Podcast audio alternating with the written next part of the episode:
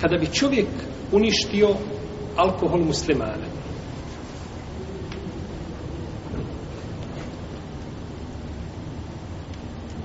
Uništi alkohol, bačvu pa mu probija. Po konsensusu islamskih učenjaka ne mora mu to namiriti. Drugi. Što ne znači da je čovjeku dozvoljeno da ode kod komši koji je napravio šta?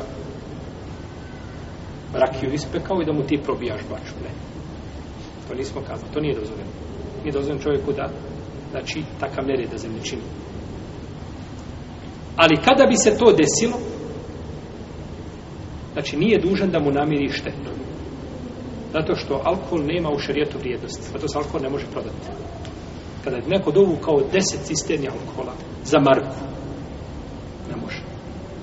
Jer to nešto što je prljavo, zabranjeno šarijetom, se ne može prodavati. Kao što ne može svinjsko meso prodavati. I to nema vrijednost u šarijetu. Tako nema ni vino. I kupovina koja se spoji, ovaj, je batel da čovjek kupi nešto, utrampi nešto, damo auto za toliko i toliko rakije. To je batel prodaja zato što vino u šarijetu od alkohol nema vrijednosti. Nema znači vrijednosti. A razilaze se kada bi čovjek to uradio zimiji, štićeniku, u nemuslimanskoj državi. Pa kažu Hanefije i Malikije mora platiti. Znači odeš, ima u šarijetskoj državi ima kršćan zimija. Ti Muhammedu razbiješ baču, ništa. Nema ništa, moraš mu ništa namiriti.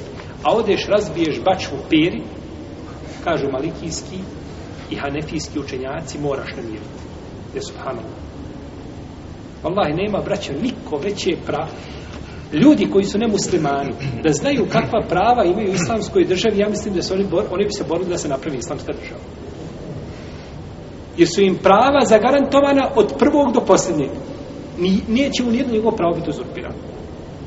Imaće veće pravo nego kod svoje, ovaj, kod svoje roditelje. Dok kažu hanefijski šafijski učenjaci ne mora ni njima. Zato što je on prosuo nešto što je nečist u osnovi, što nema vrijednosti i nije... Znači kao da ništa nije uradio. Jel u redu? Kao da ništa nije uradio. Isto je po pitanju, kad vama govori po pitanju muzičkih instrumenta.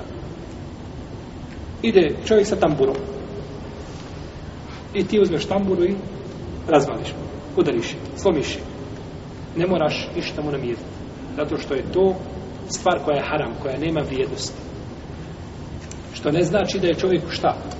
Dozvoljeno da ide šutati muzički instrument ako ide reko nosi tako Bože sačuj, to nismo kazali. Ne, ne, ne treba praviti po zemlji. Treba ljudima govoriti i objašnjavati. Naše je da kažemo šta je zabranjeno, šta je dozvoljeno. A nakon toga svako ima razum i da bira, a Allah je stvorio džennet i džehennem. I svako odlučuje gdje će. Hoćemo kazati, svako se trudi za jedno ili za drugo, Allah te usmjeri i olakša ti put ka onome što želiš. No tako. Skoro je bio u Emiratima jedan stari dedo musliman i stalo na violin bio onaj, onaj e, e, kako se zove ona s, s, s, sa S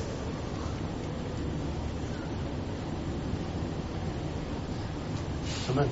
jeste instrument saksofon nije nije sličan je, sličan je ovoj violini ima isto tako ide se povrlo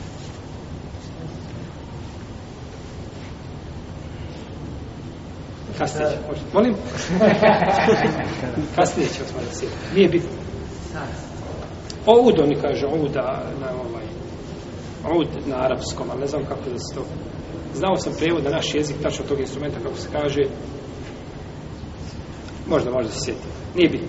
I on je stvarno, stvarno svirao. I to kada dođe, znači, publika opijena opije na pokret. Jedan put izišao u ovim ratima, prije jedno četiri godine izišao pet na, na po, pa, po, scenu tamo, sjedi i znači i kako? I samo se tako stroma. Znači kako je? Svirao samo tako. Poslanik sam sam kaže Juba'athu l'abdu ala mamate alej. Čovjek će biti proživljen na onome što je umro. Ovaj čovjek će na sudjem danu Allah ako nas poživi, bit će gužve, bit će ljudi, ali će ga moći vidjeti sa tamburom.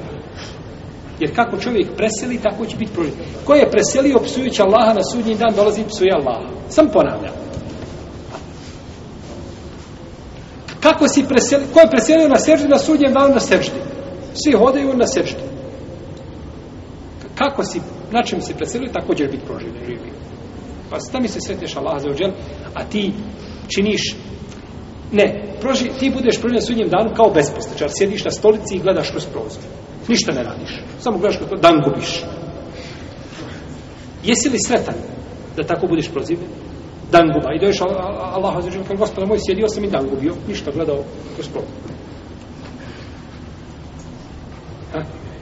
Pa šta mislite onda kada čovjek bude proživljen na haramu, očitom koji je haram kod, po konsensu islamskih učenjaka?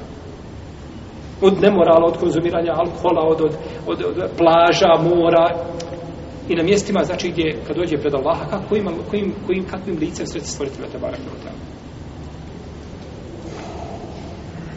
Što je, što su ashabi govorili, kaže, najviše mrzim, kaže, da vidimo čovjeka, kaže, ni u hajru dobra, ni u dobru, kaže, ni dunjaluka, ni ahireta. Pa ne mora čovjek samo za ahiret rad u smislu da mora ibadet. To ibadet je sastavni dio njegovog života. Međutim, ne smije ta rad nešto koristiti za dunjaluk svoj. Ali da čovjek tako sjedi, kao što ćete naći muslimana, sjedi negdje pod debelim hladom, nekakvim po dva sahata piju kahvu. Ili po cijeli dan šahaju. Znači, po toga što je šah, jel, zabranjen. No, međutim, ljudi, ni korist dunjaluka, ni ahireta. Pa ako nećeš za ahireta nešto radiš, ne postiš taj dan, nisi nešto, idi živi bio, radi nešto za dunjaluk, bar koristi sebi svoje porodice. No, međutim, da čovjek nije zaposlen ni hajrom, ni dunjaluk, ni ahireta, to je, to je zlo.